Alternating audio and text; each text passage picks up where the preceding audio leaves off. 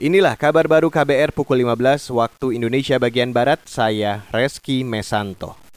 Duta Besar Indonesia untuk Selandia Baru Tanto Wiyahya mengatakan kunci sukses Selandia Baru menangani pandemi COVID-19 karena kecepatan membuat peraturan baru untuk penanganan. Kata dia, kontribusi masyarakat juga sangat besar dalam bersama-sama mengendalikan penyebaran COVID-19.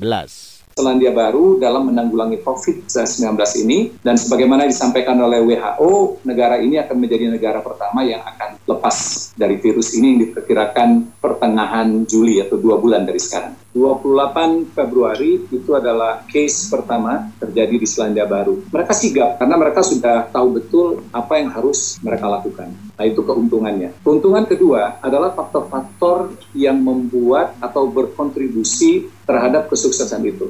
Mereka mempunyai polisi yang jelas dan dilaksanakan secara konsisten. Itu tadi Duta Besar Indonesia untuk Selandia Baru, Tanto Yahya. Kamis ini, Selandia Baru mulai melonggarkan lockdown atau karantina wilayah secara bertahap. Otoritas Selandia Baru sudah melaporkan sekitar 1.500 kasus infeksi COVID-19 dengan jumlah kematian mencapai 21 orang. Beralih ke kabar selanjutnya, pemerintah Provinsi Jawa Timur mewajibkan seluruh perusahaan tetap membayarkan tunjangan hari raya atau THR. Menindaklanjuti hal itu, Kepala Dinas Ketenagakerjaan Jawa Timur, Himawan Estu Bagijo menjelaskan, sudah membentuk posko pengaduan THR di setiap kabupaten kota. Kami di Snaker sudah diperintahkan oleh Ibu untuk membuat posko pengaduan. Oleh sebab itu, semua pekerja, semua serikat pekerja, semua pengusaha, kalau ada hambatan-hambatan soal pembayaran THR, kami di Snaker Jawa Timur bekerja sama dengan seluruh kadis di Jawa Timur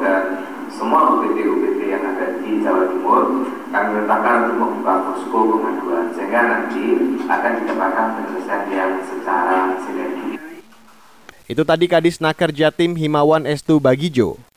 Sebelumnya, Gubernur Jawa Timur Kofifah Indar Parawansa menyatakan perusahaan wajib memberikan THR kepada seluruh pekerja yang aktif bekerja, dirumahkan maupun dalam proses PHK.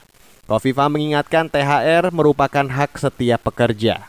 Beralih ke kabar dari mancanegara, lebih dari 90% tempat tidur rumah sakit yang disediakan untuk pasien COVID-19 di Tokyo, Jepang sudah terisi.